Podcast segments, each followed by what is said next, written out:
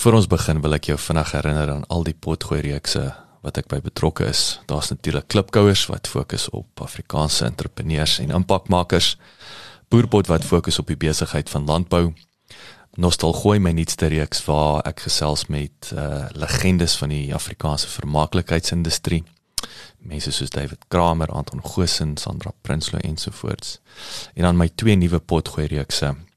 Buscrash wat die Engelse boetie is van klipkouers en dan Pot of Gold wat gefokus is op die besigheid van mynbou. As jy in Pretoria is, kom maak gerus 'n draai hierop by ons plek uh in die R21 Corporate Park genaamd Bouma at 21 waar ons 'n kafee het, ons het co-working space, ons hierdie uh uh um, raadsaal uit en my ateljee is hier. So as jy is, kom drink gerus 'n koffie en kom sê hallo. Nommer 7 Media Produksie. Welkom by die John Deere Afrika Potgooi reeks. Ek is jou gasheer, Jacques Passon.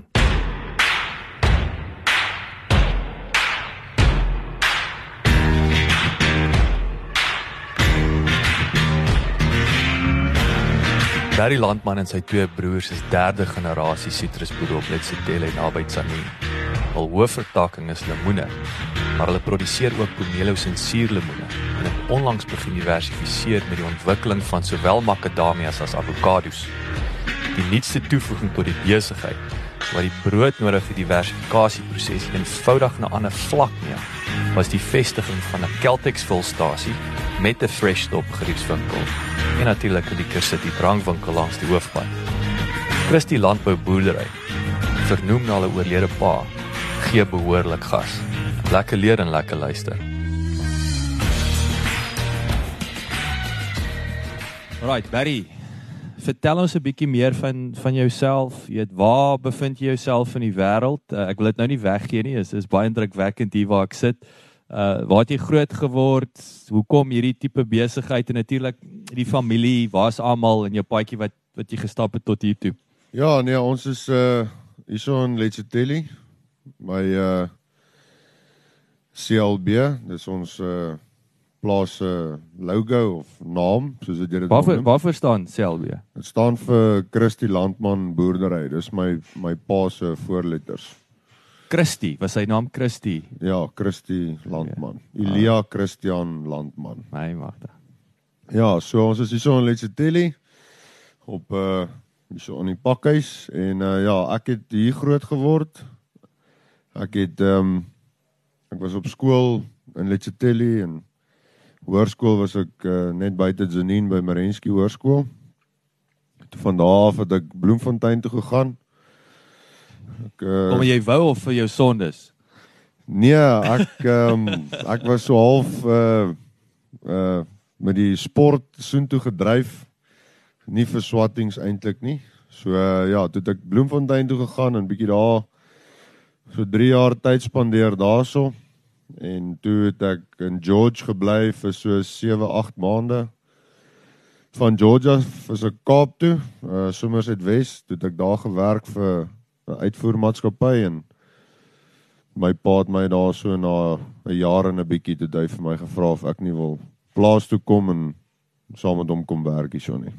So was was die plaas, ek weet ek sal nooit die aanname maak dat almal wat nou deel is van die familie wil boer nie, nee, want ek weet daar's party van die van die ouens dit is nie die geval nie. Wou jy was dit in jou was dit 'n uh, eh, jou passie jou jou medium termyn plan of is dit een van daai wat hoe sien my een pel sy sy pa het hom heeltyd laat swat want dit was goedkoper as die nonsens wat hy op die plaas sou aan ja nee ek ek sal nie sê ehm um, boerdery was my passie van die begin af nie alhoewel ek dit baie geniet op die plaas toe ek jonk was was dit was 'n lekker lewe en ons het al die plaasgoeders, die voordele wat 'n mens kry was uit die aard van die saak baie lekker geweest en ek dink my um my persepsie van boerdery het bietjie verander toe ek begin werk het. Ek het vir 'n uitvoermaatskappy gewerk en ek dink toe ek sien wat se waarde 'n mens kan toevoeg in daai uh, lyn van van besigheid na die boerdery toe het my het my passie vir plaas toe kom uh bietjie meer geword as as wat ek gedink het toe ek jonger was. Hoorie jy het my genoem jy het jy het uh, jy het boeties. Wie ja. sussie daar erns? Ja, ek het uh, twee broers en 'n suster. Ehm uh, my my broers is albei saam met my hier op die plaas. Ehm um, my oudste broer Hertsog en my middelbroer is uh, EC. Hy het my pa se voorletters. En dan my suster, sy ehm uh, sy bly in Australië. Uh so hulle hulle was ook op die plaas gewees, maar hulle in 2017 het hulle Australië toe verhuis. En ehm um, ja, my pa is in 2017 in September maand oorlede. En ehm um, my ma, sy bly in Pretoria. Sy sy's nie meer op die plaas nie. Is jou ma Pretoria tannie, wil ek sê, sy gebore en getoe of is dit is dit nou die ek wil half sê die gegeewe naaste stad wat jy as jy nou moet stad toe trek? Ja, ek dink sy ehm um, ja, ek dink Pretoria is vir lekker. Daar's uh al mense, daar's van al mense wat daar naby al bly en sy uh, sy hou van travel, so sy sit nie net in Pretoria nie. Sy geniet dit om Australië toe te gaan, na my suster toe, sy kom nou en dan plaas toe en uh sy het altyd baie vriende, so sy beweeg 'n bietjie rond. En ons sal ons sal 'n bietjie delf uh, dieper delf nou van jou ma wat wat uh, self 'n uh, entrepreneurs is nê nee, 'n suksesvolle besigheid begin het hier maar ons sal nou dieper so kom ons kom ons raak aan die uh, die boerdery en die besigheid ek wil julle is julle is baie gediversifiseerd maar kom ons kom ons fokus op die die hoofbesigheid sitrus. So gee ons 'n bietjie kos ons praat 'n bietjie wat se tipe sitrus, jy weet dit julle voer julle primêr uit. So gee ons 'n bietjie meer 'n uh, snapshot oor van die die die die sitrus besigheid. Ja, so nee, ons ja, sitrus is ons dis dis eintlik maar die hoofbedryf waarin ons is.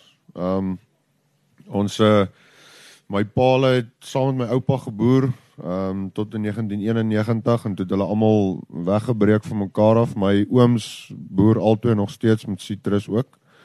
Ehm um, en uh ja, so ons ons boer hoofsaaklik met uh lemoene met Valencia tipes. Dit is ons grootste uh, kan ek sê variëteit wat ons het. Valencia lemoene is soet lemoene wat groei aan immergroen bome en beskikbaar is van lente tot somer. En dis ook bekend staan as die somerlemoen.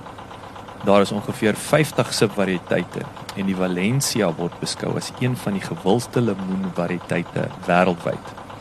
Hoewel sommige kenners meen dat die Valencia in China ontstaan het, die lemoen populêr geword in Spanje en is dit ook vernoem na die Spaanse kusdorpie Valencia. Om die waarheid te sê, die lemoen word beskou as 'n simbool van die stad. Valencia lemoen het ook 'n groot rol gespeel die totstandkoming van Suid-Kalifornië se massiewe sitrusindustrie in die vroeë 20ste eeu. Wat uh, skies ek van jou rede Barry Valencia, wat waar kom hierdie name vandaan vir, vir die verskillende tipe Ja, so uh, dit kom maar uh, jy kry soos 'n laat Valencia kan jy byvoorbeeld sê maar 3 of 4 verskillendes van hulle opnoem wat ons net op ons plaas het. So een van die goed is 'n is sê maar Jassie Valencia en die ander een is 'n Kobus de Tooi. 'n ander een is 'n uh, um die Doroy Valencia. Dit is maar baie te doen met van watse area af hy kom of wie hom uitgedink het of watse kwekery hom gemaak het. So dit is maar ja, hulle snaakse name en goed, ons praat maar van Laat Valencia's dan gooi ons hulle almal maar so onder dieselfde sombreel om dit makliker te maak. Um maar dan kry jy middelvariëteite, uh, jou saadlose variëteite en dan vroeë variëteite. So ja, almal het maar verskillende name, maar ons praat maar van 'n lemoen, is die maklikste. Is 'n lemoen. ja, ja, dis dis is wat jy hom sal ken as 'n lemoen. Is 'n lemoen. Lekker of of of, of soet of suur. Nou jy het lemoene en dan natuurlik pomelos, né? Nee? Ja, ons het twee verskillende tipes pomelos. Ons het 'n uh, um, 'n Star Ruby. Hy is jou gewone rooi pomelo wat jy in die supermark sal sien en dan het ons 'n wit is uh, uh Marsh. Dit is sy naam is Marsh en hy's nie so populêr nie. Hy's ook nie so bekend nie, maar ons ehm um, ons boer nog met so 'n bietjie van hulle en ons verkoop maar meeste van hulle in in die Japaneese mark. Hy het nog so 'n bietjie 'n aanvraag daar. Vir die vir die wit pomelo. Dis reg. En ja. waar waarheen gaan die die die rooie? En jy sê ook dat maar is maar is die rooie nou maar net ek wil sê wêreldwye uh mense ken 'n rooi pomelo. Dis ja, hoekom hy 'n groter vraag is. Hy's maar die mees populairste sal ek sê en uh hy word nou in al die verskillende tipes markte reg oor die wêreld word hy verkoop. So hy's 'n bietjie meer populêr en meer known kan ek half sê. So ja, Star Ruby is is maar die is maar die mees populairste ene en dan is daar ander ook wat ons nie uh hierso by ons het nie. Uh maar hulle almal is maar staan maar tweede in die ry.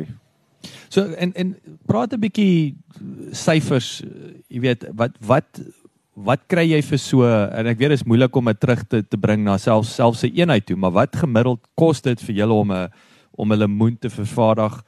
Uh, hoeveel kry julle van hom op die einde van die dag? So met ander woorde, hoe lyk dit per hektaar, per ton? Gee ons 'n bietjie die die, die syfers.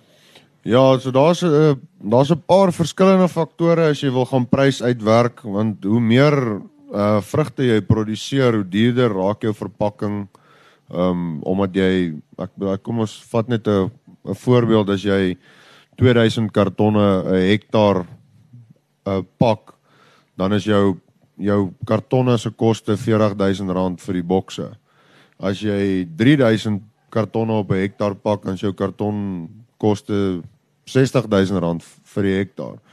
So dit hang af hoeveel uh vrugte per hektaar jy produseer. So hoe duurder dit word of hoe meer uh, dit word, hoe duurder word dit uit die aard van die saak, maar hoe meer kry jy van terug. So um om 'n om 'n eenvoudige voorbeeld te gebruik is om sê maar op 2000 kartonne hektaar te werk. Is dit is dit gemiddeld? Kan jy as jy 'n ja, right job doen, gaan jy 2000 Ja, ek dink 2000 hektaar of 2000 kartonne hektaar is waarop jy jy moet probeer om bo dit te wees en nie onder dit te gaan nie. Dit is 'n uh, die ou mense het gepraat van 1600 maar ons is op 2 ons praat van 2000 ons voel 2000 is 'n beter nommer ek, ek dit is dalk nie altyd moontlik vir almal nie want party mense het bietjie meer jonger bome ander ouens het bietjie meer ouer bome so uh, hektare wat hulle oes en hektare wat hulle nie oes nie maar op ons plaas probeer ons by 'n gemiddeld van so 2000 kartonne hektaar uit te kom en hoeveel hoeveel lemoene is in 'n karton Lemoene, dit dit wissel. Ek sal sê die mees populairste is 'n uh, eh, um is 'n telling 72, so met ander woorde 72 lemoene in 'n boks. Maar jy kry verskillende verskillende tellings. Jy kry van 'n telling 36 tot 'n 144. Ons pak nou nie meer 144 nie, ons pak nou omtrent net tot op 'n 125. En uh, maar dan die pomelo is dit weer ander tellings van die bokse is 'n bietjie anders te geontwerp. So daarso is jou telling verspreidings nou weer anders te enigiets van 'n 28 of 'n 24 tot 'n 65. So en die suurlemoene is weer van 'n 64 tot 'n 216 waar jy tot 216 suurlemoene in 'n karton pak. Pragtig en dis maar dit hang nou alles van die groot uh, obviously nou nê. Nee, dit is Ja, so nee, dit is nie net van uh instap en boer nie, daar's so 'n paar goedjies wat jy moet weet. Ehm um, en dan ja, dit is uh Maar vereis die uitvoermark byvoorbeeld nou. Ek ek gaan jou nou heeltyd in die rede val hierso. Nee, as jou uitvoermark het, het hulle so hulle sê vir jou luister, ek soek ek soek 100 in die boks. Dis reg. So jy ja, gaan so, wegkom met soveel as wat jy wil.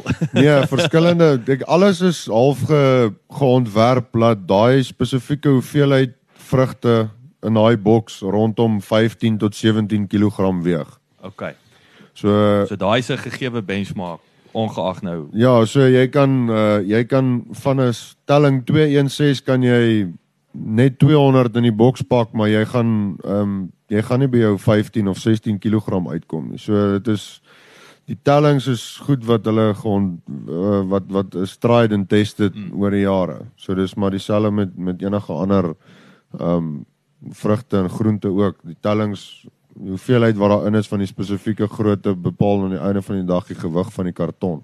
Maar hy moet by 15 16 uitkom. Ja, hy moet hy moet sy net weight moet moet 15 plus wees. Ehm um, dan behoort jy nie probleme op te tel aan die ander kant nie. So praat 'n bietjie ons ons kom terug na die nommers toe. So wat so jy het nou 15 16 kg. Hoe lyk die hoe lyk die ja, geld sake? Ehm um, hierdie jaar spesifiek in ehm um, in 2000 ja 2020 is die uh, aanvraag op lemoene baie goed. Ehm um, die suurlemoene was goed geweest vir die eerste gedeelte van die van die noordelike areas ouens wat wat geoes het en dan ehm um, die pomelos is is ook redelik goed op hierdie stadium. Die lemoene dink ek die groot rede vir hoekom dit goed is is maar oor die aanvraag vir die Vitamiene C. Die mense het 'n persepsie van lemoene se Vitamiene C is die beste en ek dink hulle persepsie is reg. En dit is maar waaroor die aanvraag gaan is om gesond te bly en jou Vitamiene C inname hoog te hou sodat jy kan as jy wel miskien die siekte kry of so dan dat jy aan die ander kant sal uitkom. So daar is 'n groot aanvraag vir lemoene en uh die feit dat die noordelike halfrond vroeër uit die mark uit is, het nou nog 'n groter leemte geskep vir ons en en dit maak dit nou die aard van die saak nog beter wat aanvraag aanbetref. As ons gaan na pryse toe, um jou jou suurlemoen uh pryse was in die verlede, ek praat nou eintlik van so 5 jaar terug was baie hoër as wat dit nou is. Suurlemoen was so 10 jaar terug nie 'n verskriklike populêre variëteit om mee te boer nie. Ehm um, maar nou onlangs het dit bietjie verander. Ehm um, 'n goeie prys op 'n op 'n suurlemoen karton is so R200 afgelewer in die hawe as ek net uh, op op daai vlak van pryse kan werk as jy as jy R200 vir hom kry gemiddeld oor al jou tellings en jou klasse dan dink ek het jy baie goed gedoen. Ehm um, Pomelos is so bietjie laer. Ehm um, Pomelos is meer hier in die 140 130 140 ehm um, uh range uh ons ons het in die in die jaar wat verby is en die voor hierdie jaar en vorige jaar baie sap uitvoere gedoen. So ons het uh bulk verpakking gedoen wat jy in sap uitvoer en en jy kry nou meer vir dit as wat jy nou gekry het vir as jy hom lokaal laat verwerk.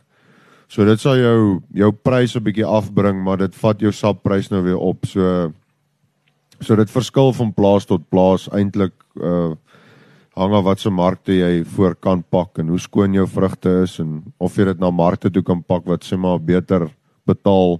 So dit, dit baie afhangend van die mark en dan die en dit en dit verskil jaar op jaar. So dit beteken nou met jy hierdie jaar Japan goeie prys en en en noodwendig daai spesifieke produk gesoek het, is volgende jaar is dit die is dit dieselfde. Nee, definitief dit dit is ehm um, jaar op jaar verskille. Daar is markte wat tradisioneel meer betaal as ander markte. Wat wat is tipies voorbeelde van van die markte wat wat julle as lekker beskou? Ehm um, China is 'n is 'n China is 'n groot mark vir Suid-Afrika. Het baie ontwikkel in die afgelope 5 tot 8 jaar. So China is redelik uh, 'n mark wat goed betaal, Korea betaal goed. Ehm um, Japan en Europa is min of meer op dieselfde vlakke wat betalings aanbetref en dan ja, die Russiese mark is as hy net 'n bietjie te veel vrugte kry dan val sy prys sommer vinnig en dan die ander markte is klein.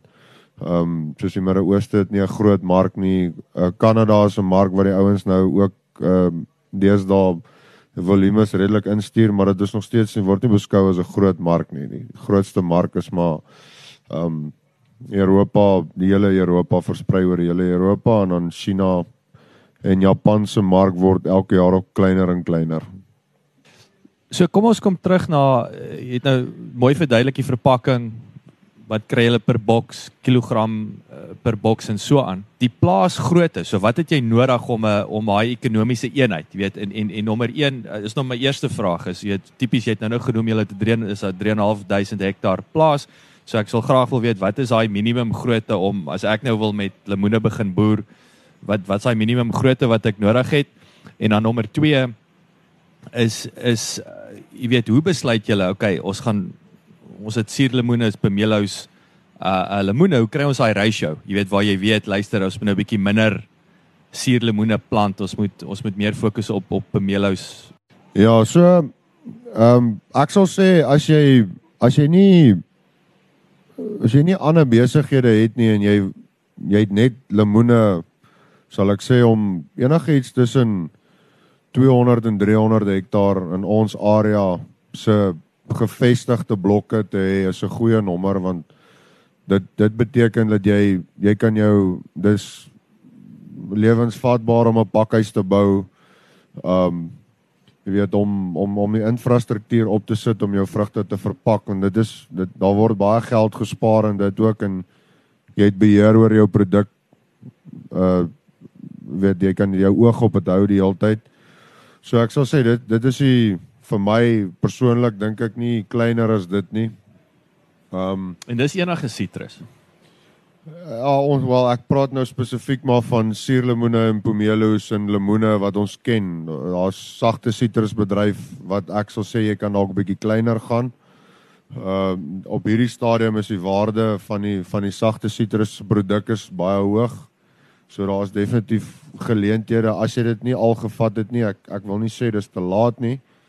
Maar mense wat wat die geleentheid gevat het 5 of 8 jaar terug om vir homself 'n 50 of 100 hektaar sagte sitrus verbou verbou het, kan hy heidaglik 'n baie goeie lewe van dit maak. Wat is sagte sitrus voorbeelde? Dis 'n narkie. Dis maar die Is maklikste pri- pri- manier. Primêr 'n narkie. Ja, dis dis so ek as as 'n Suid-Afrikaner of 'n Afrikaner om vir jou kan verduidelik is 'n narkie. Daar's verskillende variëteite.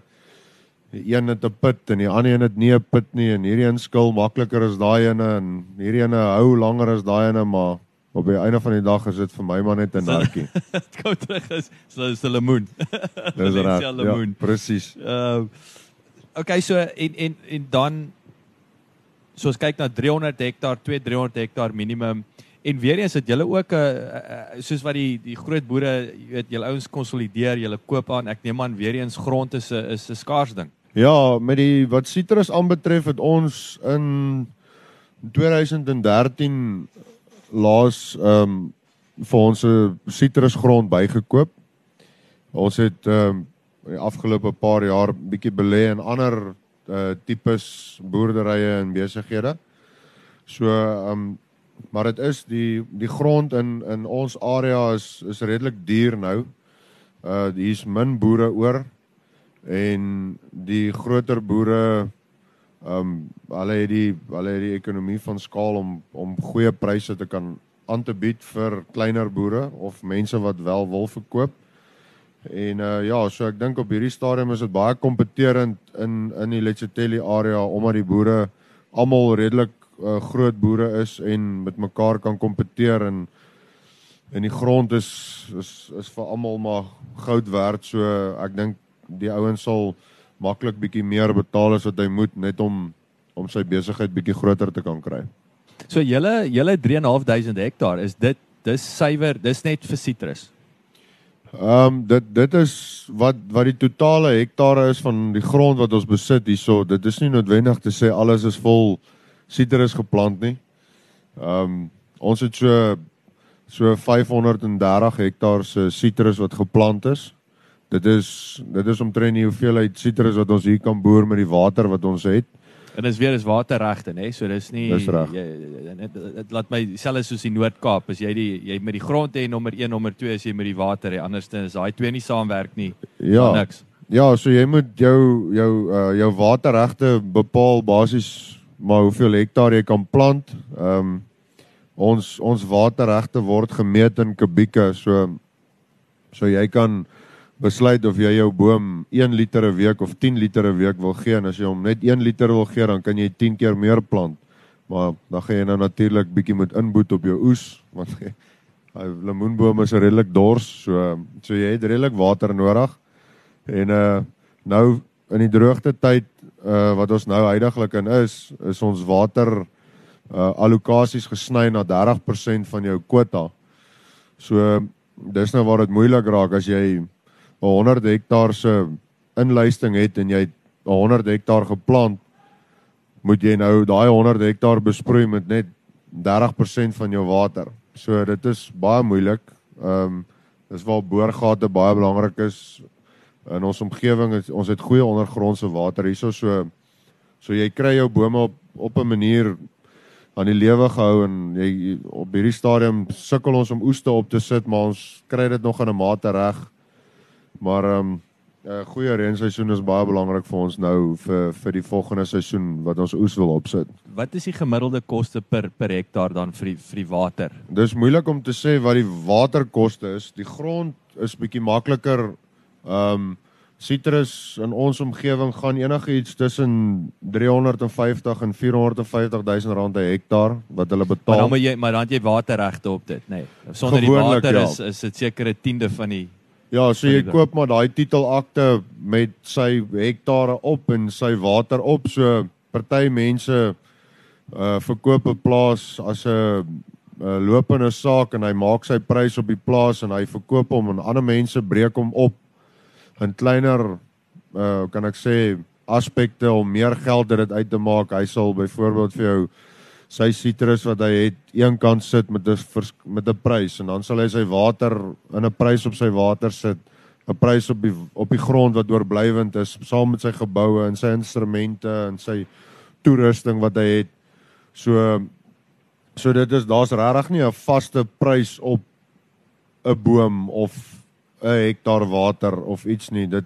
wissel van plaas tot plaas en partykeer gaan dit vir die ou wat die hoogste prys betaal. Daar's mense wat dis presies hoe graag, graag wil hulle die grond hê. So ja, dit is op hierdie stadium in Letsiteli is dit hoe dit is om grond te koop. Hoorie, so so is nou dit sluit nou mooi aan by julle nuutste plaas wat julle aangekoop het. Vertel ons 'n bietjie daaroor. Ek bedoel daar het uh, obviously lekkerste grond daaroor, maar daar's toe nou 'n tipe van 'n tragedie daar sommer in die wegspring uit die wegspring. Ja, so ons het uh, naby Zenin ehm um, na Deerpark se kant toe het ons 'n uh, laas jaar September maand met 'n uh, met die oom gaan sit en ons het onderhandel om sy plaas by hom te koop en ons het toe bymekaar gekom op 'n prys en ons het hy toe vir ons gesê ons kan begin boer en ons kan die bome begin bestuur en daar was mangoes geplant daar so amper 80 hektaar mangoes en ja ons het so 2 3 weke beheer gehad van die plaas en toe toe brand die hele plaas af. Uh, ons het omtrent uit die 650 hektare daar so so 450 hektaar afgebrand waarvan so 60 hektaar van dit mangoes was wat wat ook afgebrand het. En ehm um, ja, ons was toe op 'n stadium gekom wat ons wat ons kon weggestap het van alles af, maar ons het ons het 'n langtermynplan gesien daarso en ons het toe besluit om maar net aan te gaan en ja, nou staan ons waar ons vandag staan. Weet jy maar die groot ding is wat wat ek wat weer eens wat jou grootste uitdaging. So nommer 1, jy kan dalk die grond nou jy dalk nou jou 350 000 rand per hektaar wat wat jou cash lê nou rond, maar die groot ding is om daai ding te kan dra terwyl jy wag vir veral in hierdie geval vir nuwe bome nê nee, om om om iets te kan oes. So dit is dit dis maar die groot ding, nee, is hy om my cash flow. Ja, so ons ons het om die ding wat, te dra. Ons het nou begin daarso met die makadamia en en avokado ontwikkeling op die stuk grond. Um, ons ons het 'n vir ons kontantvloei onthaalwe het ons vir mekaar gesê ons wil die plek graag in 5 jaar ontwikkel. En toe die brand kom, het ons weet nie wat se besigheidsbesluit was dit gewees wat ons geneem het nie, maar toe sê ons kom ons kyk of ons dit nie aan 18 maande kan doen nie. Ons het die gebrande mangoes uitgestoot. Ons het so 18 hektaar oorgehou wat nou nie geraak is deur die brand nie en van die mangoes kon ons nog gered het. Ja, en ons het uh, toe besluit om makadamias te plant. Ons is so uh, hoe Hoekom hoekom die makke is dit weer is daai vinnige is daai 18 ja, maande dis dis 'n vinnige turnaround wil ek sê wat julle soek. Ons wil graag gediversifiseer dit in boerdery. Ehm um, makadamias is een van die goed wat ons wou geplant het, maar ons wou die regte uh, grond gekoop het vir die regte area gehad het vir dit en ons het 'n goeie area gekry so so kom ons besluit het om makadamias te plant.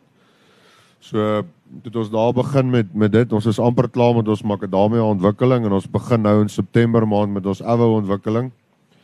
Die avos, die bome is bietjie meer uitdagend om te kry.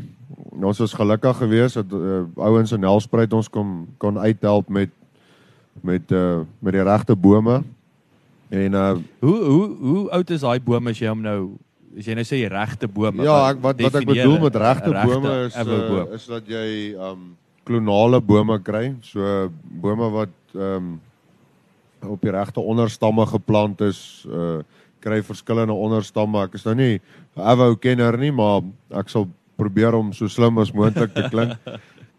Ons het uh ja, om die regte onderstamme te kry, die regte ehm um, kan ek sê variëteit wat jy daar wil verbou en dan natuurlik moet dit uit 'n 'n vertrou 'n kwekery uitkom wat ou kan vertrou en dat 'n mens weet die bome en goed wat jy kry is in 'n goeie kondisie en en daai tipe goed. So geregistreerde bome wat belangrik is is is laat die goed nie uh dat dit dat dit uh die paar maande wat hy in die kwekery is, jy weet, laat hy goed na gekyk word want die dag as jy hom plant, laat laat hy dan ehm um, sterk is en en al die kos en die goed wat hy moes gekry het dat hy kan weet dat hy kan reg produseer die dag as dit sy beurt is. So ek wil ek wil verder aansluitingsvraag met hierdie die bome. Jy net nou het jy genoem van ehm um, die ouderdom van die van die sitrusboom. Hoe werk dit? Hoe oud? Hoe wat is die ek wil sê wat's die rakleeftyd uh, van van 'n tipiese sitrusboom versus en verskil dit nou is is weet 'n suurlemoen versus 'n pomelo versus 'n lemoen en dan in vergelyking nou met 'n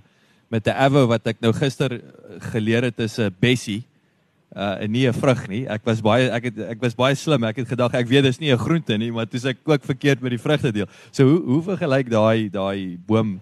Ja, so ek dink 'n sitrusboom se se leeftyd as 'n reël is is is tussen 30 en 35 jaar. Ehm um, ons het ons het bome uitgehaal nou wat in daai omgewing is. Maar ehm um, ek dink nou vorentoe gaan ons dalk sien dat bome ouer word met die tegnologie wat verbeter. Ehm um, daar's baie meer data wat jy kry op jou bome uh wat uh slim manne nou grondontledings kom doen en blaarontledings en seker te maak dat jy gee vir jou boom die regte kos en daai tipe goed. So dit is dis 'n ding wat wat volgens my in die laaste 10 jaar redelik vlam gevat het is die ontleding van die boom en die ontleding van die grond wat baie meer in detail nou is deesdae. So ek dink ek dink vir die toekoms ehm um, ek is nie lus om 'n nommer op dit te sit nie maar ek sal nie sê dat bome nie weet 40 jaar oud kan word nie maar maar 35 jaar vir 'n lemoenboom of enige variëteit wat ons verbou lemoene of pomelos of of suurlemoene dis nie snaaks om om 'n boom weet te te sien wat 35 jaar oud is nie maar dan kyk hy ook nou weer na sy uh, sy sy historiese data van hoeveel uh, as sy sy produksie begin afneem of as al baie van die bome begin doodgaan in die blok om 'n finansiële besluit te neem en dan om hom dan weer te hervestig. So so daar's ek sal sê tussen 30 en 35 jaar is is 'n goeie nommer om op te werk.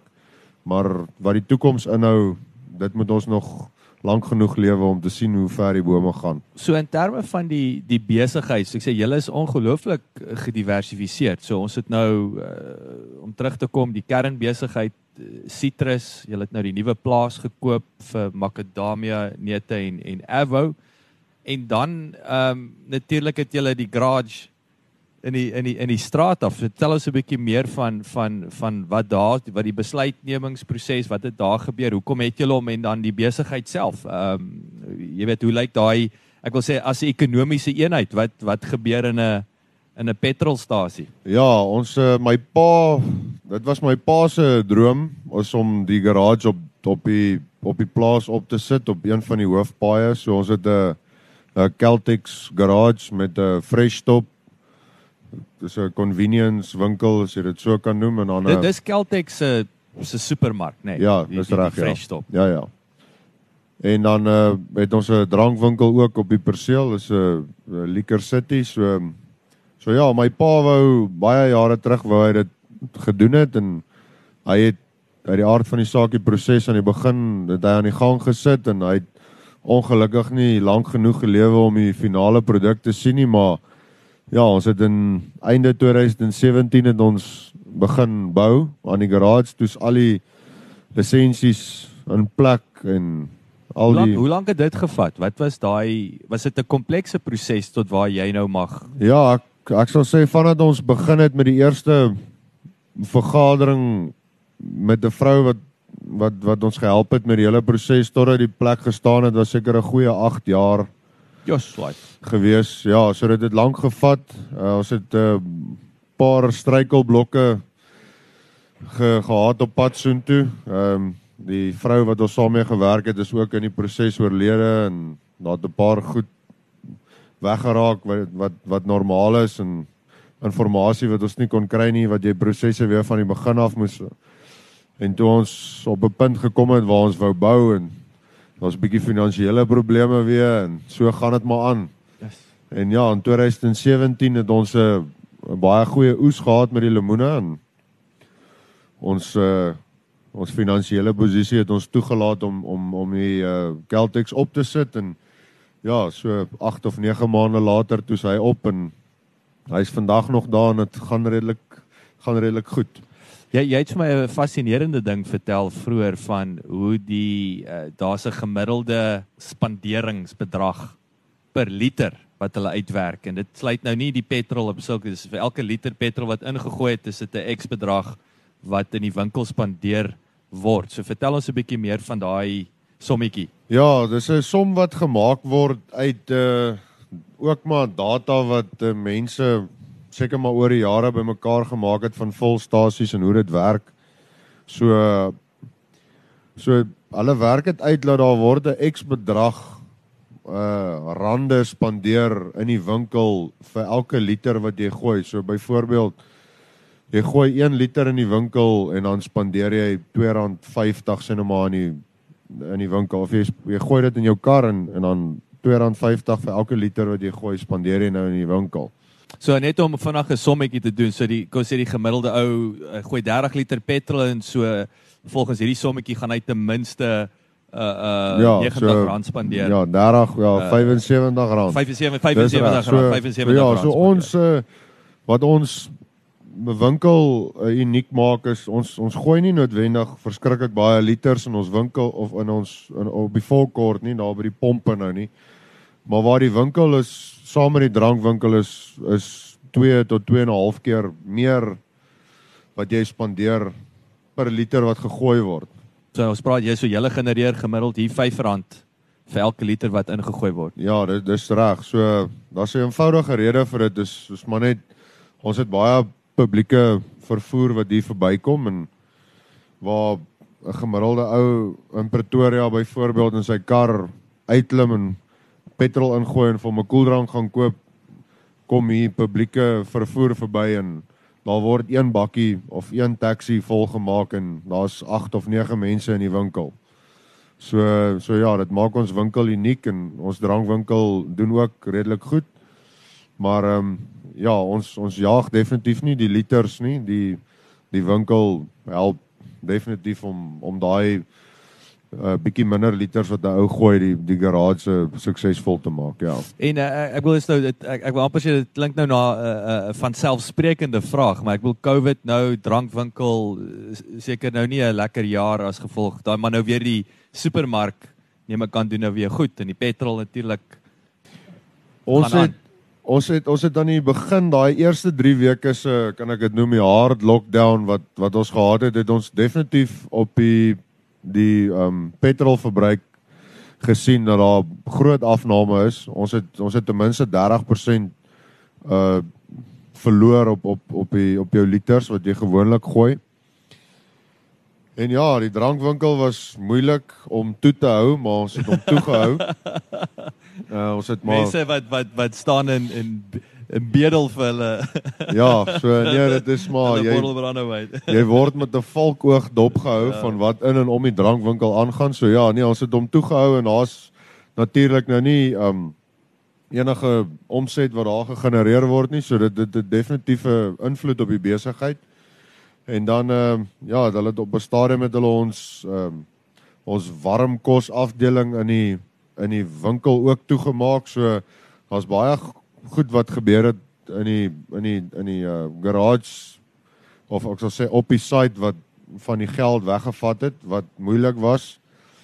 Maar op die einde van die dag toe alles weer oopgemaak het en ons kon weer die drank verkoop vir 'n rukkie en die um die waar die kos en die goed het weer oopgemaak en die in die voertuie het weer begin rondbeweeg dit dis uit baie vinnig weer opgetel en as jy hom weer gaan vergelyk met laas jaar hierdie tyd dan het hy gegroei. So ons het yes.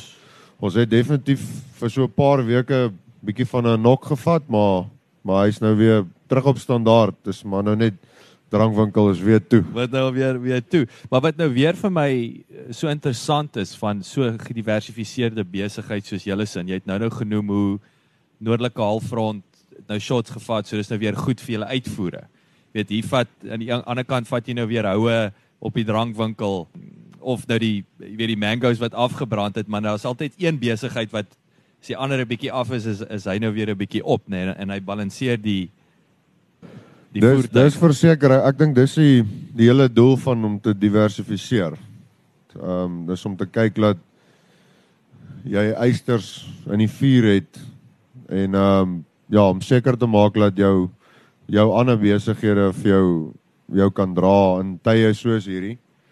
Ons is bevoorreg met die sitrus wat wat ons eintlik nie baie gesteer was nou met hierdie hele COVID uh, tydperk nie. Die sitrus het ek sal nie sê normaal gefunksioneer nie, maar ons het maniere gevind om te kan probeer funksioneer so goed as wat ons kan en ons produk is uit die land uit sover tot nou toe. Ehm um, die hawe is nou en dan 'n bietjie vertraag en so aan. Maar op die einde van die dag, die lemoene het genoeg bene om vir 'n dag of 3 buite te staan en so dit is dit is ook een van die goed waar waaroor ons dankbaar is is dat dat ou weer die goed kan bietjie buite die koelkamer ook staan. Dit is so 'n sensitiewe produk wat bederf so vinnig nie. Ja, lemoen is uh hy hy hou definitief nie daarvan om koud en warm en koud en warm nie. So as jy hom as jy hom in verkoeling gesit het, moet hy onder verkoeling bly, maar hy kan hy kan 'n rukkie gaan. Met dit is 'n redelike sterk produk. Uh die suurlemoene en die en die pomelos is maar omtrent dieselfde. Dis redelike sterk produkte. So so ja, ons het uh eintlik op op hierdie stadium nog net 1 week se moeilikheid gehad met vervoer en af hawe toe omdat die hawe is maar vol en die die trokke kan nie omdraai daar nie want hulle staan met vol vragte daar. En uh verder het, ons maar net maskertjies gedra en ons hande gewas. As hy Ja nee, ek dink dit raak ek dink ons gaan dit nog doen vir vir vir uit gewoonte uit vir vir 'n lang ruk. Ja. So en dan nou die ek sê die laaste groot besigheidseenheid in die familie is natuurlik ehm um, en dit kom nou terug na jou ma toe is is is julle hoender boerdery. Ja, so ja, ons boer met uh met hoenders. My ehm um, my ma het so 5 36 jaar terug het sy en my pa die hoenders begin. My my ma het uh sy het dit maar gedoen om haarself besig te hou en op die einde van die dag het dit uh het dit in 'n redelike besigheid ontaard en ehm um, ja, die die, infrastruktuur was hier gewees ehm um, die trekkers is hierso en die waans is hierso en die mense is hier so so dit was 'n bietjie makliker geweest as wat dit is om nou net om te gaan begin op 'n ander plek maar wat belangrik is is maar ja die infrastruktuur was hier en my pa het, my oupa het my ma se eerste hok vir haar gebou en toe het my pa vir haar 'n paar hokke gebou en ja op die einde van die dag ons het nou so 10 hoenderhokke en ons verkoop hoenders lewendig in die gemeenskap Uh ons het 'n groot mark vir mense wat dit wat dit op die plaas kom koop. En uh ja, die die ek sou sê die moeilikste gedeelte van van die besigheid is om nie die kontant in jou sak te steek nie, maar om dit uh, in die kluis te gooi. So so ja, dit is dis 'n gevaarlike besigheid omdat daar baie kontant betrokke is, maar ons het maatreëls in plek gesit en en ons uh verseker ons geld met uh, deur middel van 'n kluis uh wat wat deur die banke uh, beheer word of jou Dis mos as, as die geld in die kluis ingaan is dit dan dis die bank se probleem nee. Ja, hy's hy's verseker. Ja, so hulle is die die vrou wat vir ons werk gooi hom in die kluis en die dag is hy is verseker as hy binne in die kluis is. Die dag is hy ehm um, die security maatskappy die geld kom haal dan dan word hy gebank in jou rekening in. So So dis obviously hierdie hierdie besigheid is weer interessant hoe hierdie is nou daai B2C nê, nee, soos nou direk aan die publiek. Hoe hoe groei so 'n hoenderbesigheid? Is dit nou net organies dat al hoe meer ouens soek en dan bou jy nou die tweede hok en dan die derde hok of is daar bemarking daar agter of Ja, ek dink nie daar's baie bemarkingsstrategie wat in dit ingegaan het nie. Ek ek dink die belangrikste ding is ehm um, die kwaliteit van jou hoenders. Ehm um, as jy as jy goeie kwaliteit het dan ehm um, versprei die woord maar. hoe hoe beheer jy kwaliteit in 'n hoender? Nee, daar's baie maniere. Is goeie voer, goeie enstof. Ehm um, jy moet uh Hou die hokke skoon. skoon en warm dat hy optimaal kan groei. Ehm um, ook nie te warm nie, maar ek bedoel daar's sekere manier van van hoe dit moet wees en dan moet jy ook uh, natuurlik jou nie te veel hoenders per hok. Jy moet weet hoeveel hoenders in jou hok moet wees, hoe groot jou hokke moet wees, hoeveel voer hulle moet kry, uh, jy weet wanneer hy moet oorgaan na groeivoere toe en waar hy begin en waar hy eindig en en daar's verskillende voere wat hulle kry en wanneer om oor te slaan. So daar's 'n uh, redelike uh wye spektrum van goed wat jy moet weet. Alhoewel dit nie baie moeilik is om toe te pas nie, dis net om om die data te hê van van wat moet gebeur. Ehm um, dink ek is ja, as jy 'n goeie gewig het ehm um, op 5 of 6 weke en jy kan hom verkoop, dan maak dit sin. Die die probleem kom in by as hy ouer as 6 weke is en hy begin hy eet al hoe meer en meer voer want voer is 70% van die van die koste vir die hoender. Die hoender is amper een van die goedkoopste te goed om te koop. So jou voerkomponent is is waar jy geld maak of verloor met hoenders. So hy hou aan vreet na 6 weke, maar hy word nie swaarder nie. So dis daar gaan jy 30% of ek wil sê wat oorbly raak Ja. kleiner nou. So hy hy hy eet jou wins letterlik op. So ja, voer is is een van die belangrikste ehm um, aspekte om te beheer as dit by hoenders kom en dan jou mortaliteit is om te sorg dat daar nie baie van hulle doodgaan. Wat wat tipies laat hulle vrek? Koue laat hulle vrek, uh siektes hierso by ons slange. Ehm um, maar uh op op 'n kleiner skaal sal ek sê slange. Maar dis maar meestal uh siektes en koue en dan ook hitte. Uh by ons word dit baie warm veral hier uh, November, Desember, Januarie, Februarie. So jy moet hom daar nou weer afkoel en dan in die winter Ja. moet jy hom nou opwarm. Ja, dis reg. So in die in die winter hou ons hulle warm en dan in die somer hou ons hulle koud. Nou ons verskillende maniere om dit te doen met water op die dakke en ons het die dakke geverf met 'n tipe verf wat die temperatuur afbring van die sink en daai tipe goed. So jy moet maar ja, daar's 'n paar verskillende goed wat ons Triks. doen. Ja, triks wat jy maar leer. En uh, ja, dan om te kyk dat jou sterftes laag is. Ehm um, 2 tot 3% sterftes. En dis En- aanvaarbaar. Ja, dis 100% aanvaarbaar. Ja, as jy as jy na 5 en 8 en 10% toe gaan dan dan ja, dan begin jy gaan begin dan nou tyd mors. Ja, en ook die, die tydperk van wanneer hy doodgaan. So hoe ouer hy word, hoe duurder is hy as hy dood is. So so ja, hopelik verloor jy jou eerste klomp vroeg as jy dit verloor vir 'n siekte of koue of wat ook al. Maar ehm um, ja, mortaliteit is belangrik en dan om jou voer te bestuur is is die belangrikste. So hoeveel plus minus hoeveel hoenders het julle? Enige gegee is dit nou 10 hokke, nê? Nee, so hoeveel in 'n hok? En dan Ja, so dit hang af tye van die jaar. Ehm um, oor Paas naweke verkoop hulle natuurlik baie meer en oor Desember verkoop ons baie meer. So ons het uh, ons kan te, ons minste wat ons vat op beslag is 9000 in 'n hok en dan die meeste wat ons vat is 15000 in 'n hok. okay. So ons gaan haal ons hoenders self. Ons het 'n bussie wat ge uh, temperatuur gekontroleerd is wat ons die hoenders self gaan haal. Ons kry ons hoenders uit Pieter Retief uit. So dis so 500 kg van hier af. En ehm um, ja, dan ons het ons het so tussen 4 en 6 hokke vol op enige gegeewe tyd. En dan oor Desember tyd by uh, tydperk vat ons nou bietjie meer hoenders want dan die verkope meer. So ons hardloop so tussen uh 2 en 3000 hoenders 'n dag en dan as jy wat jy verkoop en as jy gaan Desember toe gaan kan jy enigiets tussen 6 en 10000 hoenders 'n dag verkoop. So dan moet jy net hemel. Ek wil jou administratiewe proses klink of dit 'n dagmerrie kan wees om om Ja, jy 6 moet net 10.000. genoeg hoenders hê. Want uh hulle verkoop gewoonlik dan uit op 5 weke en dan dis waar jy dan nou bietjie wen. Ja, ja, ja. So want uh, hoe minder hy eet, jy nou daai een week se minder uh, voer wat wat Dis wat reg. Ja. En en en dit is gemiddeld sy ek wil sê daai siklus, 6 weke siklus van 'n kykind tot waar jy hom verkoop. Nou Dis best case, best case scenario. Ja, op uh 5 weke is hulle gewoonlik nog 'n bietjie klein. Ehm um, maar as al min hoenders in die omgewing is of uh, die hang af van die tydperk van die jaar dan sal hulle hom op 5 weke koop, maar 6 weke is maar gewoonlik die tyd wanneer is wanneer hy gekoop word. Dus op 6 weke en op op 6 weke is hy dan nog ehm um, kan ek sê profitable. En dan wat kry hulle wat charge hulle gemiddeld vir 'n hoender?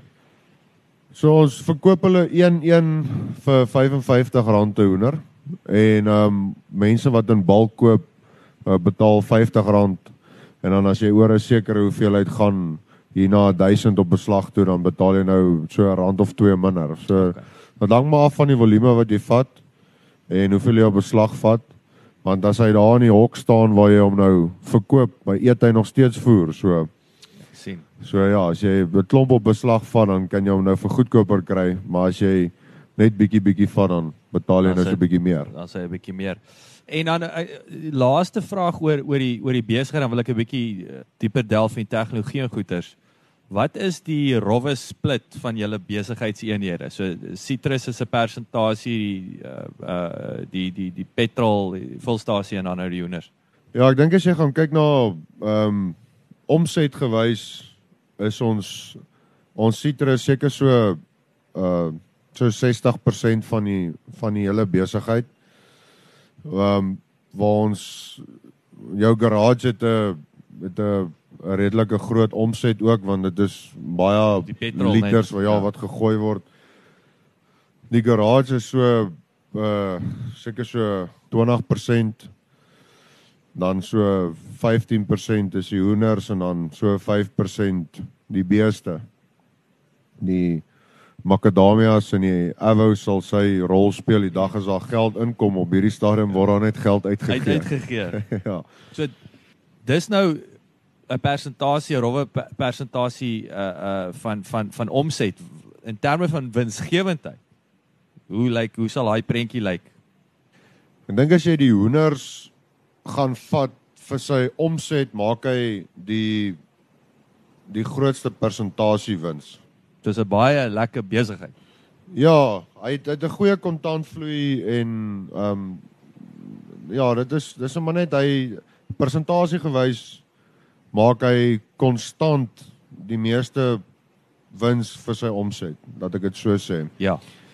Die sitrus as dit uh, as jy produksie en prys het, dink ek nie daar's baie goed wat by sitrus sal kom nie.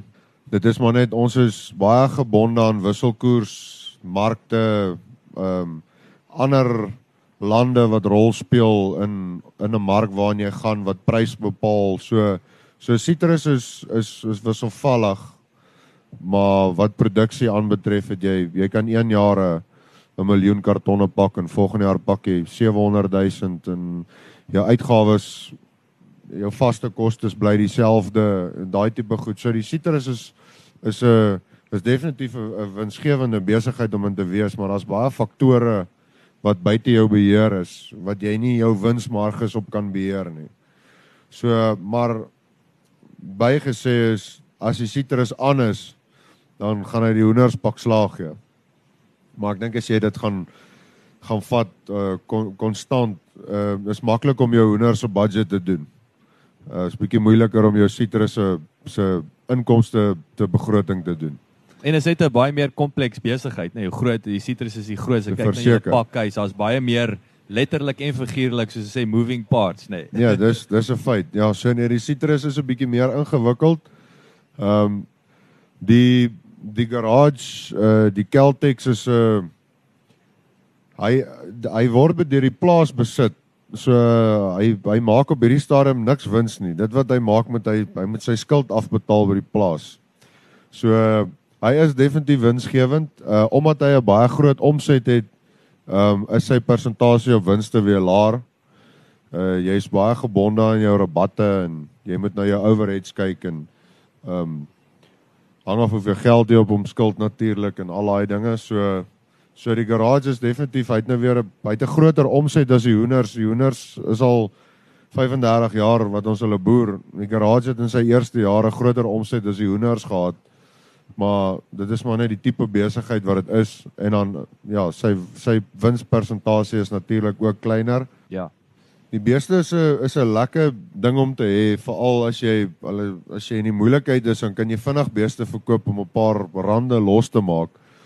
Maar um, my middelste broer, hy's uh saam met een van ons plaasbestuurders en beheer van die beeste en hy het Hoeveel, hoeveel beeste het julle en waarmee waarmee wat se tipe beeste boer? Ons het in totaal so 350 beeste. Ehm um, dit is word opgemaak deur uh boevelders wat op hulle eie loop uh wit brahmane wat op, op hulle eie loop en dan 'n paar gekommersiële beeste wat wat meestal Simbra en Simmentaler en daai tipe beeste is. Dit is 'n uh, 'n besigheid wat by ons op hierdie stadium nog nie eintlik wins maak nie, maar hy verloor ook nie geld nie. Dis maar net my my pa het het beeste gehad en ons het beeste verkoop en ons het dit weer saam met my pa begin bou en die sentiment is net so dat ons hom nou nie wil los nie. So ons hou aan met dit en daar is definitief lig aan die einde van die tonnel met die beeste. Ons ons is besig om ons nommers op te tel so jy gaan nie nou wins maak jy soos wat daar geld beskikbaar is dan koop, koop jy maar aan. aan. Waar waar waarheen hoe ver wil jy hom vat in terme van uh, hoeveelheid beeste, hoe groot wil jy hom groei? Ja, ek dink as ons ehm um, op hierdie stadium kom ons baie goed reg met die grond wat ons beskikbaar het vir beeste. Ons het nie ons hoef nie addisionele grond te gaan bykoop om ons beeste te akkommodeer nie. So ons het ons het so 'n bietjie oor 1000 hektaar ehm um, op die een uh, op op die op die uh op hierdie stuk plaas wat ons nou op sit. Dan het ons so nog 400 hektaar op 'n ander gedeelte en nog so 300 hektaar op 'n ander gedeelte. Dit is vorm nou deel van daai 3.500 hektaar waarvan ons vroeër gepraat het. En dan die nuwe stuk wat ons bygekoop het, het, het ook um 'n bietjie potensiaal vir beeste. So ons sal nie sommer oor die 500 gaan glo ek nie. Um ons wil nie gaan grond bykoop om beeste te boer nie. Ons wil die beeste boer met die grond wat ons heidaglik het. So ons gebruik daai grond wat basies oop staan en beeste is die is die beste ding op hierdie stadium vir ons om daai grond te gebruik so goed as wat ons kan. Wat is die ehm um, ek weet dit is moeilik om altyd net aan een ding. So ek sê wat is die twee belangrikste besigheidslesse wat jy tot dusver geleer het? En ek wil jy het nou lekker verwysingsraamwerk hier so met verskillende tipe besigheidstipes. Ja, ek was baie bevoorreg geweest dat ek was jonk toe ek op die plaas aangekom het. Ek was so 23, 24 en uh ek het vir omtrent so 6 jaar saam met my pa gewerk.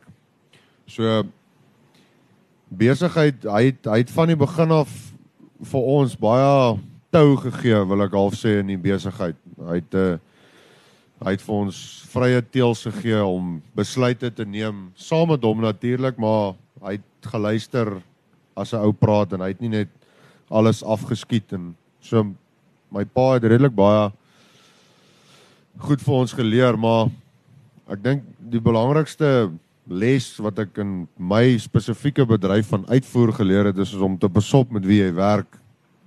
Ehm um, mense wat uh wat wat jou indoen, mense wat jou wil ek wil nou nie lelik praat nie, maar mense wat jou wil wat iets van jou af wil wegvat. So So ja, daar's ons ons het 'n dierles al geleer wat ek wat ek nie oor wil uitbrei nie, maar ons het in 2014 het ons het ons 'n groot finansiële knou gevat. En dit was een van die belangrikste lesse wat ek geleer het, is om baie seker te maak met die ou met wie jy werk in besigheid. Maak nie saak wat se vriend hy van jou is of enigiets nie, is om seker te maak jou jy, jy kies die regte partners vir jou besigheid.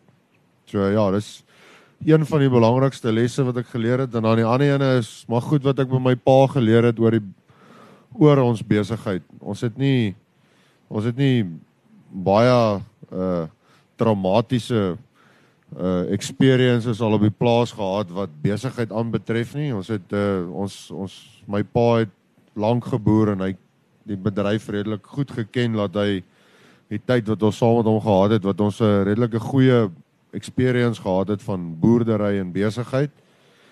So ja, die ander goed wat ons maar geleer het, is klein klomp klein dinge wat my pa vir ons geleer het en en uh ja, hier sit ons vandag en 'n ou wil so nou en dan nog 'n vraagie vra, maar jy kan nie, so dan moet jy maar die besluite self neem jy het 'n baie belangrike ding gesê en en, en, en, ek wil gou-gou aansluit jy nou jy weet jy sê wil vra vra vra die ou wyse man nê nee, van die ou wyse man hoe jy sê nuwe generasie of ons generasie uh, ouens is baie meer oop waar jou pa die ouer manne was het die kaarte naby die bors gehou, nê. Nee. So dit vertel ons 'n bietjie meer van dit. Dit was vir my baie interessant geweest. Ja, die ehm um, die jonger mense in ons omgewing, ek wil nie ek wil nie sê in die land nie, maar in ons omgewing wat ek van weet is ons is ehm um, ons is 'n klomp jong mense hier wat redelik beheer moet neem of geneem het van die, jou van die besigheid.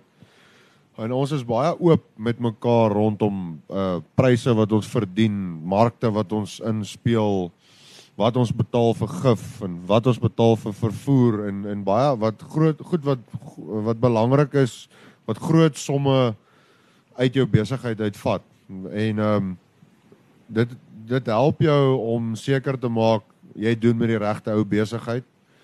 Ehm um, dit help jou om te weet jy jy doen iets reg of iets verkeerd. Dit is maar waar ek dink ehm uh, ouer mense het goed dalk meer vir hulle self gehou.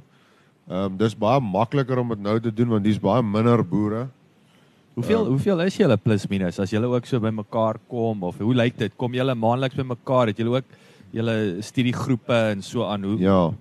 Hier is hier is studiegroepe ehm um, op die studiegroep se saal is op ons plaas. My oupa se se broer, sy naam was ook Barry geweest. Hy het die grond geskenk vir die Constantia ehm um, studiegroep en hulle het toe 'n saaltjie gebou daarso en hy's vandag nog daar en daar word nog studiegroepe gehou maandeliks. So ja, dis uh sê vra hoe lyk dit? Dis jong mense wat wat wat dit bywoon. Ehm um, ou mense wat dit bywoon of ouer mense, ek wil nie sê ou mense nie, maar ouer mense. Daar's definitief twee of drie verskillende vlakke van ouderdomme as ek dit so kan noem. So almal woon dit by. Ehm um, almal meng met mekaar. Ehm um, die jonger mense is besig om die kan ek sê die die streek uh, oor te neem want daar's baie baie jong mense. En uh die ou mense en die jong mense kom eintlik baie goed oor die weg en ek hoop hulle leer ons uh ons maniere aan soos wat ons hulle maniere moes aangeleer het. So so ja, dit dit is definitief 'n positiewe ding wat in ons omgewing gebeur. Die feit dat die jong mense baie openlik met mekaar kan kommunikeer oor besigheid. Ehm um, want want uh, uit die aard van die saak gaan dit almal help. Dit gaan niemand sleg uh sleg aandoen nie. Dit kan net almal help en en almal is vriende van mekaar en so jy weet met wie jy met wat oor kan bespreek of waaroor jy met wie kan praat. So So ja, dit help definitief. So hoeveel ouens is julle plus minus wat so by mekaar sal kom? Ons is 'n klomp. nee, ons sal op 'n uh, dit sal my nie baie lank vat om 25 mense, jong mense by mekaar te kry, vir 'n braai nie. Yes. Nee. Ja. Nee, is 'n hele klomp uh van hulle wat se paas plase besit, van hulle wat werk vir ander companies. Ehm um, ja, hier's net 'n hele klomp en van hulle boer en van hulle geel masjiene en ander ouens verkoop gif en so dit is nie net boerdery nie dis dis daai waardeketting dis die hele ketting van die ouens uh dit is in heeltemal 'n ander bedrywe maar ons is 'n klomp jong mense hier by mekaar so ja. So kom ons uh so dis nou in die pylvak hier so kom ons fokus 'n bietjie op toerusting en tegnologie. Jy weet so en ons het nou die huis nou gepraat van die ouens in die studiegroep wat ook verskaffers en so aan Wat se verskaffers en besighede het 'n groot impak op julle sukses? Ons ons kyk baie ehm um, ek wil nie sê met 'n vergrootglas nie, maar 'n ou kyk baie na jou ouens wat chemikalieë aan jou verskaf, ehm um, kunsmis aan jou verskaf. Dis groot uitgawes wat jy aangaan elke jaar. So verskaffers ehm um, in ons omgewing is hier 'n paar van uh waarmee ons nou nie met almal kan werk nie, maar ons het ons 3 of 4 maatskappye met wie ons werk wat ons ehm um, kunsmis by koop en ek, ek wil sê is dit die usual suspects. Ja, daar's een van hulle is 'n groot maatskappy wat die hele land vol is en van hulle is lokale ouens wat wat baie goeie produkte verkoop. So so ja, jy kyk maar na jy kyk na almal en jy kyk na almal se pryse, maar 'n mens kan nie by 10 verskillende maatskappye koop dit logistiek maak dit nie altyd sin nie. So ons probeer die beste paar kies en ons werk met hulle en ehm um, ja, dit is maar verskaffers is is maar dis waarna ou kyk en dan kyk ons ook na die ouens wat wat vir ons byvoorbeeld ehm um, verpakkingsmateriaal is is belangrik want dit is ook een van die is 'n baie groot uitgawe jaarliks en dan vervoer en logistieke maatskappye wat ons goed in die hawe hanteer. Daar's baie aspekte ehm um, wat 'n ou na kyk. Daar's ouens wat 'n bietjie meer kos elke jaar en ouens wat bietjie minder kos elke jaar, maar ons probeer maar so ver as wat ons kan elke jaar met dieselfde mense te werk om verhoudinge te bou met dieselfde mense en om goeie diens uit almal uit te kry en ja, dis maar van die verskafferkant af is dit maar belangrik vir ons ons probeer maar jarelange mense te ondersteun en en en dit werk vir ons goed uit tot nou toe. Waar waar trek jy daai lyn van jy en Jannie speel al van sip af saam rugby en hy's nou die kunsmis verkoopsman, maar sy kunsmis is nou nie meer so uh so 'n goeie prys nie of is die die kunsmis is nie so goed meer nie. Waar trek jy daai lyn om dan te sê okay, hang aan. Ja, jammer Jannie, jy weet. Ek dink dis waar jy 'n balans moet vind tussen vriendskap en besigheid is ek gaan hom definitief nie wegjaag nie. Maar hy moet hy moet my respekteer en verstaan ook van waar af ek kom. So ek dink dit gaan oor jou menseverhoudings en hoe jy daai tipe situasie kan hanteer. En dit gebeur definitief. Daar's mense wat met my pa besigheid gedoen het wat wat ons nie meer besigheid mee doen nie. Ehm um, dit gaan dit het dit is verskillende goed. Party mense doen werk om toegang te kry tot beter produkte waar ander mense verkoop wat hy het of hy gaan half in 'n rotine in waar jy jonger of 'n meer dinamiese maatskappy het wat dalk 'n bietjie meer navorsing gaan doen en dit vat hom dalk 2 of 3 jaar om al sy dinge bymekaar te kry en dan op die einde van die dag sit hy met die beter produk en die beter prys en dis waar jy vir jou besigheid maar besluit moet neem.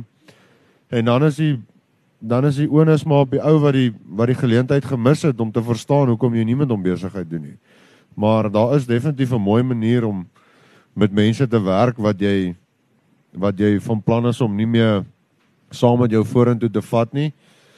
Maar dis waar daai ou moet besluit of hy dit of dit vriendskap of of besigheid is en waar hy daai lyn moet trek en daar's baie mense wat nie daai lyn kan trek nie en ongelukkig is 'n mens nie meer vriende nie, maar ja, mens probeer dit maar so civil as moontlik hou.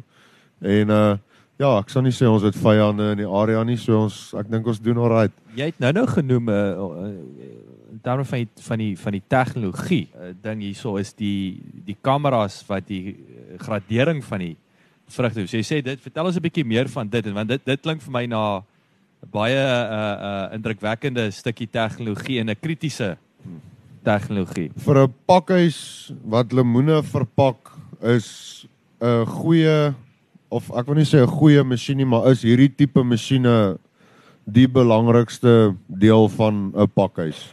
Is jou jou kwaliteit wat uh, aan die einde van die dag in jou karton ingaan. So ja, so ons het hierdie optiese masjiene. Uh, ons het 'n Mavroda en jy kry verskillende tipes. Mavroda Agrobotic ontwerp en produseer aangepaste sleutelpuntoplossings vir verpakking van vrugte deur die toepassing van hoë tegnologiese stelsels vir gewiggradering, kleur en deursnee sortering, sowel die inspeksie van eksterne en interne kwaliteit, voeg Mafroda enorme waarde by tot die waardeketting. Hulle oplossings dek die vrugte en groenteketting in sy geheel, van verskaffing tot verpakking en palletisering. Verder wy die Mafroda groep sowat 3% van hulle jaarlikse omset aan tegnologiese navorsing en innovasie en hierdie voortdurende belegging sorg dat hulle kliënte aan die voorpunt van tegnologiese vooruitgang bly. Maar hy presteer ook net so goed soos wat hy gestel word om te presteer. So ons het gegaan vir hierdie masjien, hy word in Frankryk gemaak en hy's fabriek wat hy gebou word is in Spanje, so ons het daai tyd met die pakhuisbestuurder wat ons daai tyd gehad het, het ek en hy Spanje toe gegaan en ons het die masjien gaan leer daar hoe hy presies werk sodat 'n ou want dit is 'n is 'n redelike groot finansiële uitlag wat jy maak, so jy moet jy moet ten minste weet hoe hy werk. Mm. So ja, my pa altyd sê help jy jy ry jou Ferrari in tweede rad rond nie. ja, of dit help nie eh, iemand sonder 'n lisensie moet hom bestuur. Ja, ja, ja. Ja. Ja, so toe het my pa het ons gestuur soontoe om die masjien te gaan leer en ehm um, die basiese aspekte van die masjien te verstaan. Ehm um, ja, so ons is nou al op ons 8ste seisoen met die masjien. En ehm um, hy het nou al 'n kamera verandering gehad hier en daar en 'n sagte ware opgegradeer en ons het hom bietjie langer gemaak en groter gemaak en al daai tipe van goed maar dis basies nog dieselfde masjien en hy doen dieselfde werk. En uh, ja, dit is hoekom ek sê dis belangrik dit dit gaan oor kwaliteit. As jy jou jou brand, jou probeer verkoop in die buiteland, dan moet iemand nie eers die karton oopmaak om te weet wat hy kry nie. Hy moet weet wat hy kry. En 'n mens kan dit nie oorlaat aan die aan die kan ek sê aan die mens nie. Ehm um, jy kan nie die hele dag vir vrugte staan en kyk en besluit of dit 'n mooi of 'n lelike vrug is nie. Jy gaan moeg word en jou oë gaan seer word en dit dit is jy moet van die tegnologie gebruik maak wat daar is. En ek sal sê hierdie het ons hele verpakkings uh aanleg het dit so gemaak dat as jy hierdie masjien vandag van my af wegvat dan wil ek nie eers meer sitrus boer nie. Pragtig. Het nou hoe dit hoe hoe het julle back in the day hoe is daai gradering? Obviously dit is met oë gedoen. Maar ek neem aan dit is uh, Ja, ja, hy het bietjie op 'n ander manier gewerk. Die pakhuise was nie so ek gaan nou Engelse woord gebruik, maar hy was nie so streamlined soos wat hy nou is nie. Daar was baie meer motors en knoppies en allerlei dinge in die pakhuise in die ou tyd. Ehm um, hierdie uh masjiene en die mekanisering van jou hele lyn uh op 'n touchscreen sit en nie 'n klomp knoppies en switches hoef aan te sit en af te sit nie. Het dit het baie verander. Maar ja, in die ou tyd was dit maar jy het jy het 'n uh, verskillende tipes sizers gehad soos 'n uh, een was 'n rope roller gewees wat hy het hom die vrugte maar ge, geklas of ge, ge gesize op 'n dit het 'n grootte gehad dan val hy nou deur daai grootte jy weet in in 'n 3-piece sizer het op dieselfde manier gewerk. Hy was net so 'n bietjie meer gevorder en dan val hy nou uit op 'n sekere paktafel of iets en dan dan sorteer die gradeerder vrou hom nou met die oog maar ja na 9 ure om na lemoene te kyk of Yes. suurlemoene te kyk, dan uh dink ek nie jy gradeer meer so mooi nie. ja, ek dink alles lyk begin maar dieselfde lyk. Ja, so so daai mense toe op die einde van die dag deel geword van die van die verpakking. So ons het omtrent waar ons so 40 gradeerders gehad het, het ons nou so 6. En uh jou jou output is nou baie meer, so jy gebruik daai mense nou weer op 'n ander plek. Ehm um, so ja, ek dink dit is uh een van die goed wat wat jy kan op mekaniseer en wat jou besigheid of jou pakhuis vir jou kan beter maak waar jy nie noodwendig ehm um, baie mense wil mense met tegnologie vervang. Maar hierdie is iets wat jy jy sit die tegnologie in en wat aan die ander kant uitkom skep jy weer werk vir die mense wat kan ek sê voor aan die lyn sy werk verloor het. Want jou output is definitief beter op hierdie masjiene. Jy jy kan baie meer vrugte per per uur deur jou pakhuis druk en jy doen dit maar soos wat jy groei. So as jy groter word dan en jy meer vrugte om te pak, meer hektare om te pak, dan moet jy na hierdie tipe masjiene toe gaan om die tonne deur jou deur jou pakhuis te kry. So gepraat van van arbeid, hoe pluk julle die die sitrus? Is dit is dit is dit nog is daar nog 'n 'n vinger Ja, komponent betrokke? ons pluk hom met die hand. Hy word 100% met die hand gepluk met 'n skêr. So elke elke lemoen, elke suurlemoen en elke pomelo hy moet letterlik van die boom afgesny word met 'n skêr. Ehm um, jy kry mense wat nog knak pluk, so hulle knakkie uh stam half af. Maar ons glo in sny met 'n skêr En ja, dit is ehm um, dis 'n 'n baie tiring experience, as ek dit so kan noem. As jy in die boord staan en jy gaan kyk wat daar gebeur, dit is letterlik mense wat rondhardloop en pluk en dit is ongelooflik besig daarso so dit is 'n bietjie chaos, maar dit is gekontroleerde chaos. Op, Hoeveel ou hoeveel mense is uh, daar as julle nou Ons baie besig is? ons het so 150 mense wat pluk en dan saam met dit is daar nou 'n klomp ander mense wat ander werk rondom die pluk doen, soos lemoene optel en voormanne en mense wat die trekkers ry en die waantjies pakhuis toe sleep en so ja, mense wat aktief pluk so 150 en as ons dis nou in 'n jaar soos hierdie wat ons nie so baie ons ons het nie 'n rekord oes nie. So as jy 'n groot oes het dan sal jy nou 'n bietjie meer aanstel, maar ons sal nie sommer minder as dit as dit aanstel nie. Ja, so So ja, dit is almal tydelike werkers wat wat inkom net van sê maar Maart tot September toe en dan as sy kontrak by ons klaarmaak dan gaan pluk hy drywe of Hmm. iets. Ek weet nie Ja, eintlik waar toe gaan hulle. ouens kom weer terug en ek neem aan dis ook uh, is dit is daar agentskappe wat die arbeid verskaf of is dit het julle nou maar daai individuele verhouding met die met die met die mense? Ja, nee, ons het uh meeste van ons mense kom terug. Ek wil sê omtrent 90% van ons plikkers kom elke jaar terug. Ehm uh, ons doen alles ehm um, binne huis. Ons het nie ehm um, kontrakteurs of iets wat ons so ons dames in die kantoor en mens uh my pakhuisbestuurder, hy is um, kan ek sê half in beheer van die van die plikkers en die lone en al daai goed doen ons alles hierso so. Dit is 'n bietjie duurder om kontrakteurs te gebruik. Maar ons my pa het dit so gedoen, my oupa het dit so gedoen. So Dis maar net julle dis doen dit nou maar op dieselfde manier manier. van van van van operate. ja. Alright, Barry. Dis nou heerlik. Dis 'n goeie onderhoud.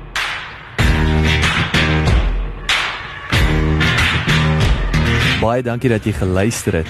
Onthou jy kan die John Deere podcast reeks kry op Apple Podcasts of Google Podcasts, Spotify of SoundCloud. As jy gehou het van hierdie episode en die reeks, asseblief deel dit met jou vriende en familie en uh, ons sien uit om altyd van jou te hoor. So enige terugvoer sal ons op reg waardeer. Laat die wiele rol.